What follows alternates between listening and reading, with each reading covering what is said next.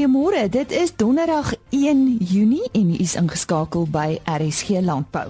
En vandag se program word aangebied met die komplemente van Netafim. Slim besproeiingsoplossings. Op volgende program ons gaan kuier weer by die Rietvlei Natuurreservaat en fokus spesifiek op hulle projekte. Dan het ons by vanjaar se Nampo met uh, Eskom gaan gesels oor projek Kanyisa wat so 'n paar jaar gelede aan landbou ook bekend gestel is. Johan van der Berg is terug met weer waarhede en dan gaan kuier ons tussen Steensburg en Middelburg by 'n merino boer en ook die wolboer van die jaar. Nou eers goeie nuus vir almal wat uitsien na ons vleispryse elke week. Ons het dit gebruiklik op 'n maandagooggend uitgesaai wat natuurlik 'n hele paar dae later is as wat die veilinge gebeur het. Nou van vandag af saai ons dit reeds op donderdag uit. Dit is vleispryse wat behaal is by veilinge in die Noord-Vrystaat en die datum was eergister, naamlik die 30ste Mei. Aan die woord, Chris Derksen. Die belangrikste is dat maar goed geweldig skaars en duur word omdat hulle 'n lekker voertuig is om mielies in vleis om te sit.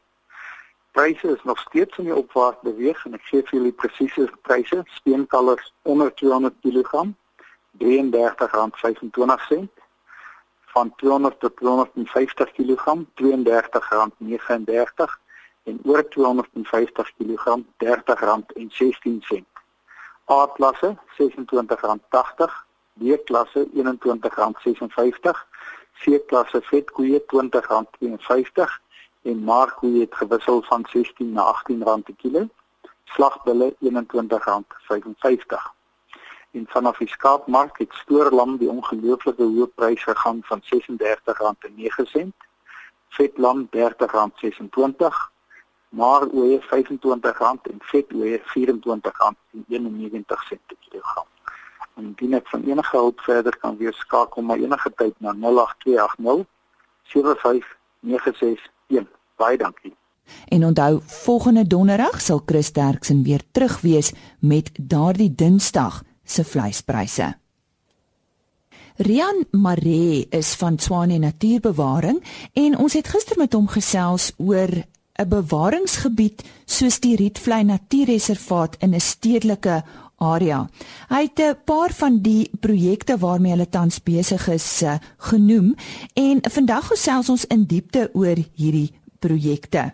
Leeu's in aanhouding word in die reservaat bestuur en kan deur die Rietvlei koffiewinkel besoek word. Hy het vertel ons meer oor die projek. Ja, meeste van die leeu's is um, is gekonfiskeerde diere. Daar is net 6 ehm um, wat gehuisves huisves word op Rietse in plaas van om hulle van kant te maak. Ehm um, maar dit gaan hier eintlik oor die bewaring van die kamp waarna hulle is wat 300 hektaar is, ehm um, die plante wat daar voorkom en om daai gebied sinvol te benut aangesien dit afgesny is deur 'n pad. Die leeu's kan glad nie voortplant nie. Ehm um, en maak deel uit van 'n navorsingsprojek of eintlik 'n aantal navorsingsprojekte. Ehm um, dit gee ook natuurlik die besoekers 'n kans om leeu's te sien in hulle natuurlike habitat ehm um, waar hulle voorgekom het op Rietvlei, maar nou nie in die reservaat kan ehm um, vrygelaat word nie. Die Rietvlei renoster projek ehm um, is hoor ek een van die reservaat se belangrikste bewaringsprojekte. Hoekom? Ja, die is ehm um, renosters is al baie jare op Rietvlei en in die laaste 30 jaar is daar verskeie kalwers gewees al oor 16 gebore op die reservaat en hulle doen baie goed. Ehm um, ons het ongelukkig ook deurgeloop onder stroping en vier diere heeltemal onnodig verloor. Ehm um, daar was ook natuurlike vrektes en diere wat lewendig verwyder is as gevolg van die draagkrag en die ehm um, om die regte geslagsverhouding te handhaaf. Maar die projek gaan baie goed aan ja. En dan die hervestiging van jagluiperd in julle uh, reservaat. Uh, julle ek sien julle werk saam met Endangered Wildlife Trust. Uh, deel so 'n paar hoogtepunte met ons? Ja, ehm um, dit is deel van die metapopulasie bestuursplan van jagluiperds. Ek het met die projek begin in jaar 2000 en in 2002 twee mannetjies vrygelaat op die reservaat wat besonder goed gedoen het.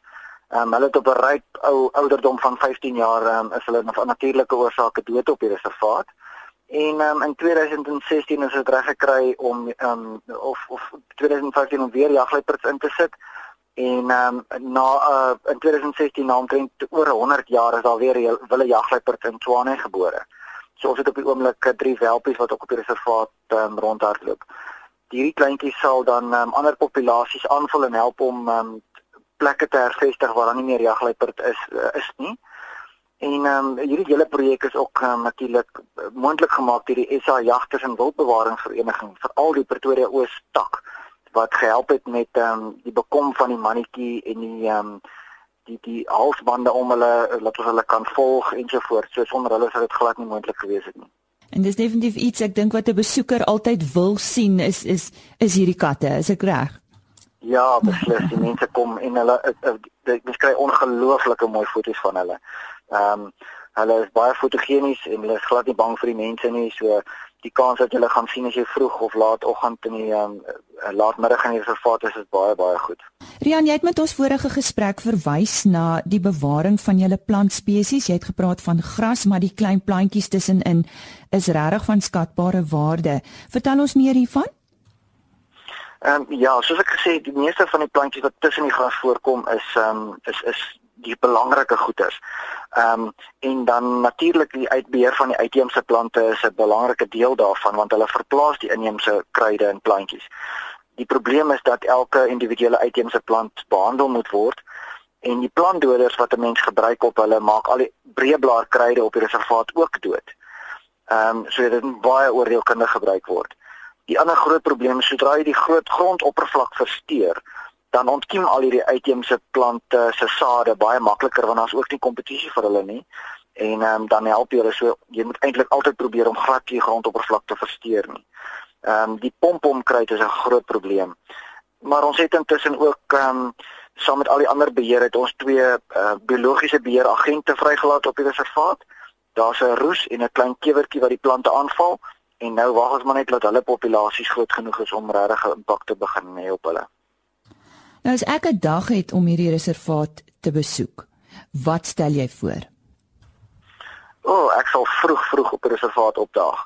Ehm um, as jy hek oopmaak in die somer 5:30 al, ehm um, en dan begin voeltjies kyk en wild want dan is die goeders alles lekker sigbaar. Ehm um, en dan stadig ry na die piknikarea toe.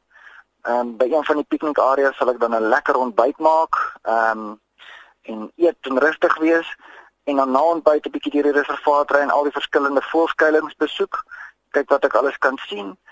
En um, en dan sal ek so so rondom middagete na die koffiewinkel toe gaan, 'n lekker middagete daar geniet en dan self miskien op 'n toer gaan na die leeu's toe, um, onder begeleiding. En um, as ek klaar is, daarso weer 'n lekker rustige rit deur die reservaat op pad uit en kyk of ek enige spesies gemis het of nog goeders op die lysie kan sit vir die dag. Dit was Andrian Maree van Swane Natuurbewaring. Karen Venter het onlangs daar by Julian Southey, 'n merino boer in die Oos-Kaap, gaan kuier. Hulle is aangewys as die wolboer van die jaar. Hy vertel van sy boerdery. Dit is 'n baie groot voorreg om op die radio te wees. Ons boer tussen Middelburg en Steensburg met my twee seuns Robert en Stuart. En ons merino boerdery kom al 'n baie lank pad van uh, kan amper sê van 1860 af met my oupa Grootjie wat daai daar met skaap geboer het, maar hulle was wolskape. En so die ding ontwikkel vanaf 1900 het my my my oupa baie bekende Oscar Saudi in die marine bedryf. Ehm um, hy was 'n stigterslid van die destydse marine stoetteelers vereniging. En so dit aangekom tot by myself die vierde geslag met 'n passie vir die merino en vir vir merino wol vernaam. En Robin Stewart is nou baie grootendeels nou verantwoordelik vir hele boerdery en hulle dieselfde passie. So dit is 'n baie groot voorreg om saam met jou seuns te boer, om saam met mekaar oor die weg te kom. My vrou is ook, my vrou Trish is ook uit 'n uh, boerdery agtergrond ook uit Marinos baie fyn wol daar in Gramstad area so daar was altyd iets 'n common denominator wat ons ook bymekaar gebring het. Vandag um, ek dink die Marino doen uitstekend soos meeste van die kleinveebedryf uh, goed doen op hierdie stadium, maar die, die Marino met uh, wol wat 'n uitvoerproduk is beteken baie vir die land En dit is ja, dit bly net 'n groot voordeel om met 'n merino te boer. Ons toestande hier in die Karoo was redelik goed.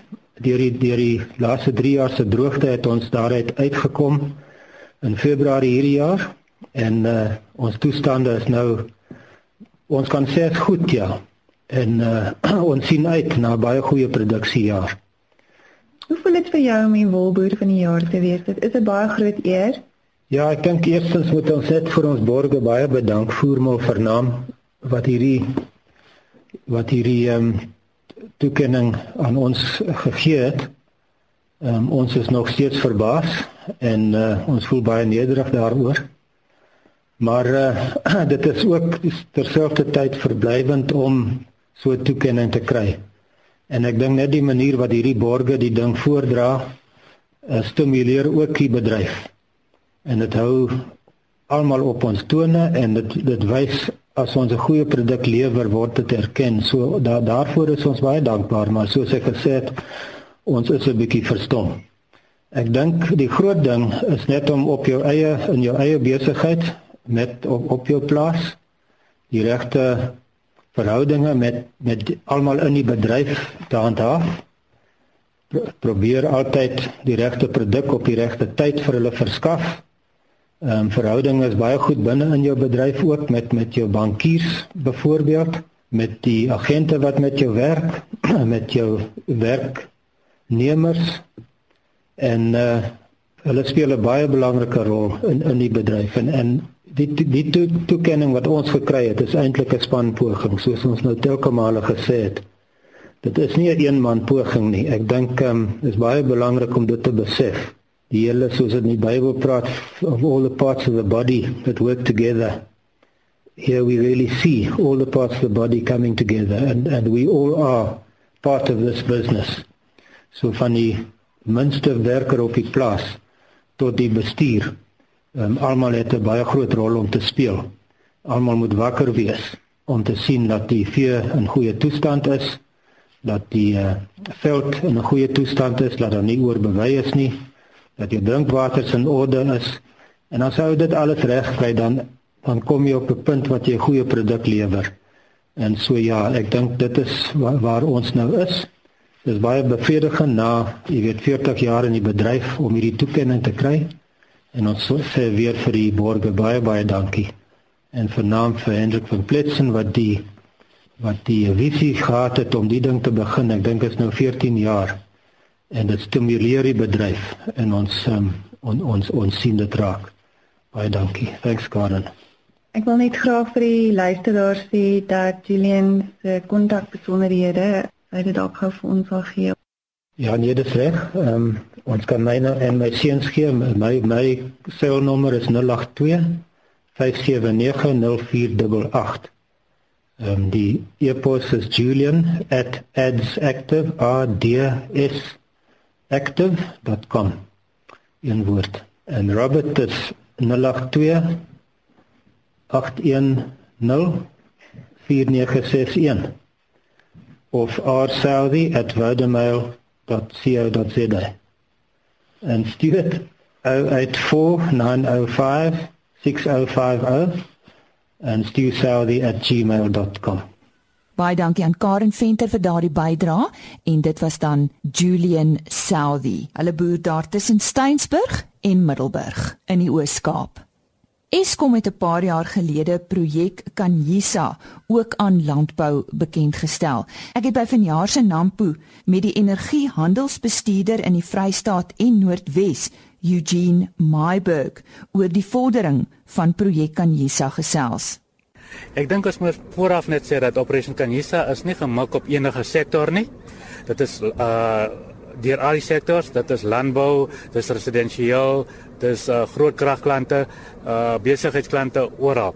Maar die hoof hoof uh doel van Operation Kanisa is om mense te adviseer om krag wetlik gebruik die Engelse naam is legally te legally te gebruik en dan ook te report waar daar kragdiefstal is want kragdiefstal het 'n impak op almal. Nou ons is hier by Nampo en julle fokus juis hierso spesifiek, is dit maar net raadgewend. Dit is raadgewend maar oral waar Operation Kanisa is uh adverteer ons altyd die nommer van 3211 vir mense om te report. Uh by Nampo self, uh maar is dit meer 'n bewusmaking van uh elektrisiteitsdiefstal sodat klante nie hoef of nie hoef nie moet nie uh, krag steel nie. Nou as 'n mens 'n nuwe projek loods soos wat julle gedoen het 'n hele paar jaar gelede, meet julle ook 'n sukses van so 'n projek. Hoe meet julle dit? Ons het wat ons noem in uh, op ons uh, op streeksvlak wat uh, ons noem dit uh voerder balanseringsmodel. Uh op daai model kyk ons na die die die verliese elektrisiteit verlies op al ons lyne. En as ons kyk na die impak wat ons het op Nampo, is daar 'n afname in hierdie uh, uh verliese. So ja, uh, dit is al hoe ons dit kan meet en dan ook, uh, uh, ook dan mense betaal meer vir die krag wat hulle gebruik. Nie meer in terme van eenheidspryse nie, maar die wat nie krag betaal het nie, betaal ook nog krag. So dit is eintlik twee tweeledig. Aan die een kant is dit uh die verliese wat verminder en aan die ander kant word die revenue dan uh verhoog. Nou julle is nou redelik in die nuus, ons wil nou nie politiek gesels nie, maar wat is van julle grootste kopseere op die oomblik as dit kom by dit wat julle wil probeer regkry? In terme van Operation Kanisa, hmm. uh sal die verliese maar altyd 'n probleem wees, maar ek dink 'n mens moet ook verder gaan en sê dat ons kry ook uh, onwettige aansluitings waar mense of kinders doodgeskok word. En dit is alles deel van hierdie projek van Operation Kanisa. So ons sê dat as daar een kind sterf, is dit een kind te veel. En ons kyk ook na dit om nie mense eh, deur deur die netwerke te laat sterwe nie. Maar belangrik ook dat as daar nie sulke koneksies is nie, sal die mense nie sterwe as gevolg van 'n uh, eh, uh, eh, onwettige aansluitings nie. Nou ons is hier by landbou, midde van landbou, lekker hier in die Vrystaat. Dis lekker koel cool, nog steeds ver oggend. Watse boodskap het julle vir landbou? Wat wil julle hê? Hoe kan landbou saam met julle werk? Die eerste en mees belangrikste is om ons uh, uh report lyn te uh, gebruik 32211. Uh sodra jy weet van iemand wat krag steel, report dit. Jy gaan nie genoem word nie ons vat die inligting, ons ontleed dit en ons gaan na die persoon toe wat die krag het. So jy gaan nie eers weet van dit nie, maar at least het jy jou kant ge gebring. Maar ons weet ook van syndikaate wat uh, baie betrokke is in die uh, landbouomgewing wat mense of uh unsuspected farmers uh ook sê dat hulle kan help om hulle krag te verminder. Daar ons beter met die meters en op die ou end is dit die arme uh, boer wat moet betaal vir daai koste want ek het ook 'n program wat ons gebruik. Ons kan presies bepaal hoeveel geld of hoeveel verbruik deur die meter is, 'n randwaarde daarin koppel en dan charge ons die klant daarvoor. So wat ek vir die klante sê, moenie betrokke raak by enige onwettige aktiwiteite. Report dit eerder aan Eskom en ons sal dit ondersoek. En ek is seker julle beamptes wat boere nader het, almal identifikasie. Almal het almal het identifikasies en as jy enigstens ongemaklik voel, daar is 'n nommer ook op hulle identifikasie waar jy bel en vra is die persoon geregtig om hiernatoe te kom. Ek wil net eindig om te sê dat Ons het 'n baie baie goeie verhouding met al die klante en boere opgebou hier by Nampo en ons waardeer regtig hulle insette en hulle toewyding om nie krag te steel nie. Dit was aan die stem van Eugene Myburg. Hy is energiehandelsbestuurder by Eskom in die Vrystaat en Noordwes en ek het daar by Nampo met hom gesels. Weer waarhede saam met Johan van der Berg.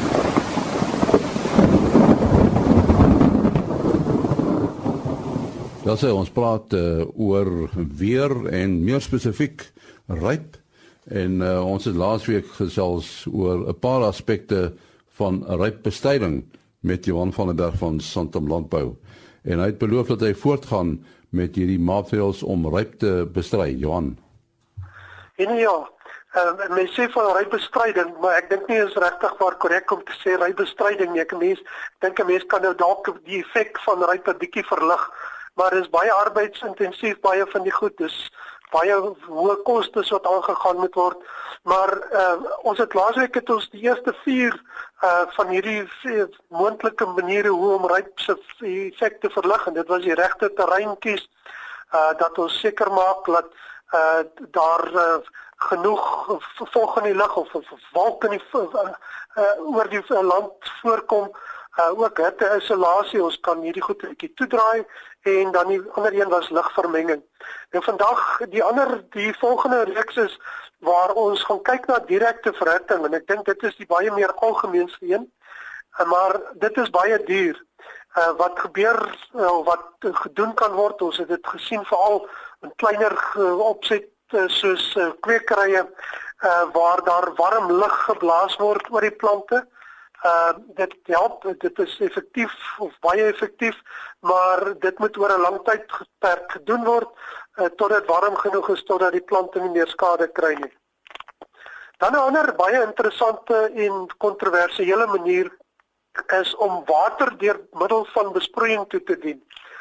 Nou water se vloei ehm uh, as ons kom stel dit so as water vloei is die water se temperatuur bokant vriespunt uh so damme en ondergrondse water wat ons gebruik uh om plante mee nat te maak se temperatuur is hoër as 0 grade. So wat gebeur ons as ons bome en plante besproei uh met water uh dan sit ons eintlik energie by. Uh want ons het energie wat in hierdie water dan is omdat dit bokant 0 grade is. Wat egter baie krities hier is is wanneer en hoeveel water toegedien word want 'n mens kan nie heel nag water toedien nie. So jy moet op 'n sekere tyd begin en dan wat uiters belangrik is is wanneer jy gaan stop. As 'n mens te vroeg gaan stop voordat die son lekker skyn en dit al warm geword het, dan kan 'n mens eintlik die skade aan plante vererger want uh, dan bly die ryp en daai yskoue uh, of die ys rondom die takkies en die goed en ons kry redelike groot skade.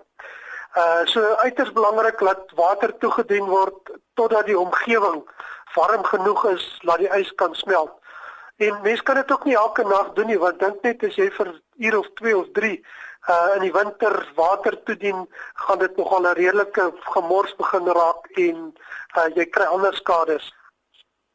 Uh 'n ander manier, as vir alles 'n mens gaan kyk na goed soos neute, neutbome, perskes en so aan, ehm uh, en selfs drywe is om die botproses wanneer die plante begin groei te verstrif te, te vertraag. So die dit beperk die verbreeking van die rusperiode of wat ons sê dormansie. Wat hier gedoen kan word is om deur dit gedurende die dag wanneer dit warm is, uh die takke nat te spuit uh dat die plant nie te warm word of die takke te warm word nie want dit stimuleer groei as dit te warm word. So as dit koeler bly, dan kan dit die botproses met 'n week of 'n paar dae vertraag uh wat dan ontwykend gaan wees in terme van ryp. 'n Ander baie interessante een om ryp se effek te verminder gaan oor grondmanipulasie. Uh een van die beste goed wat gedoen kan word is om die grond tussen byvoorbeeld bome of so uh te kompakteer en skoon te hou. Uh wat dan gebeur bedags uh word die energie in die grond opgegaar. As dit gekompakteer is, gaan hierdie energie dieper in die grond in. Daar's nie baie lugmolekules wat dit buffer nie en snags kan hierdie energie wat bedags opgegaar is, uh kan dan weer vrygestel word. Grasbedekking is nie altyd goed nie vir die boogrondse gedeeltes nie, uh want daar's nie energie wat uitgestraal word uit die grond uit nie, maar dit het weer 'n effek dat gras die wortelgedeelte warmer hou interessant hier kan die kleur van die grond ook 'n rol speel. Uh donker grond is is warmer en ligter kleur sandgrond byvoorbeeld maak dat daar nie soveel energie bedags uh opgegaar word nie en ook nie snags vrygestel word nie. So die kleur van grond uh maak 'n verskil en so ook die tekstuur die tekstuur. Jou kleigronde word warmer as die sand omdat die die die afstand tussen die partikels is kleiner by kleigrond en die hittevloed is baie beter daar. So hierdie is 'n paar metodes wat gebruik kan word om die effek van ryp 'n bietjie te kan versag, maar die belangrikste een is om eintlik te besluit aanvanklik waar is die beste plek op 'n plaas om te plant en uh, waar die die die die skade van ryp die minste gaan wees. Ons sê baie dankie aan Johan van der Berg vir die waardevolle wenke hoe mense te werk moet gaan om die effek van ryp, die nadelige effek van ryp te versag. Dit was dan nog 'n aflewering van weer waarhede saam met Johan van der Berg van Santam Landbou. Onthou weer waarhede is elke donderdag op RSG Landbou. Ons uh, gesels nou met uh, Kobus Oudendal van Top of the Range Boevelders en uh, ons wil met hom gesels oor 'n uh, veiling. Wanneer vind die veiling plaas uh, Kobus? Nee, ons veiling vind plaas die 6de Junie. Uh 11 uur op die plaas The Dam in die distrik Harrismith, baie naby aan die N3. Uh ek sou skat seker so 5-6 km van Eram af. En hoe lank boer julle al met bovelders? Weet jy nie uh top of the range bovelders bestaan op basies uit 3 uh drie teelers. Uh dit is uh klein Leslie Estates, uh klein Green Estates en dan uh die bekende Rietvlei Red bovelders. Uh nou die klein Green en klein Leslie kudde was oorspronklik deel van die stigters van die bovelders studiegroep 30 jaar uh gelede. Die uh Rietvlei Red bovelders is seker al 'n goeie 15 na 20 jaar ook betrokke by die bovelders. So uh, dit is met ander woorde eintlik 'n lang tyd wat hierdie uh teelers betrokke is uh by die bovelders. En so ietsie oor die aanbod, wat word aangebied uh, tydens die veiling? En nie daar word so tussen 40 en 45 bulle aangebied dan val maar altyd 'n bil of twee uit uh hierso kort voor die veiling met een of ander probleem. Maar die veiling word aangebied onder beskerming van die bovelders, so uh daai bulle sal gekeur wees. En dan is daar so in die orde van so 250 vroulike diere wat al bestaan uit 'n redelike groep oopverse, 'n klompie dragtige verse en dan ook 'n paar koeie met kalvers. Goed, net weer die datum en presies hoe laat en waar. Die veiling vind plaas die 6de Junie op die plaas The Dam in die distrik Harrismith, baie naby aan die N3 en die veiling begin 11:00 die oggend. En kontakbesonderhede? En uh kontakbesonderhede uh, mense wat belangstel kan uh, die volgende nommer skakel. Die eerste een is vir Mike Leslie. Dis 082 770 0306 Julian Vickery by 0723715342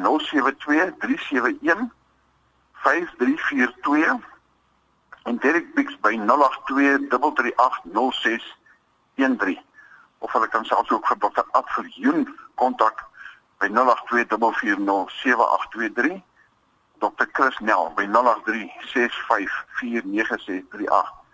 Nou dis 'n hele rits nommers Uh ek wil net myne ook bysit. Dis Kobus Oornal 0829702064. Dit was Kobus Oornal van Top of the Range Boervelders. En so groet ons ook dan tot maandagooggend. Vandag se program is aangebied met die komplimente van Netafim. 25 jaar van slim besproeiingsoplossings. Geniet jou naweek. Totsiens. RSG Landbou is 'n produksie van Blast Publishing. Produksieregisseur Henny Maas. Aanbieding Lisa Roberts en 'n notas koördineerder Jolande Rooi.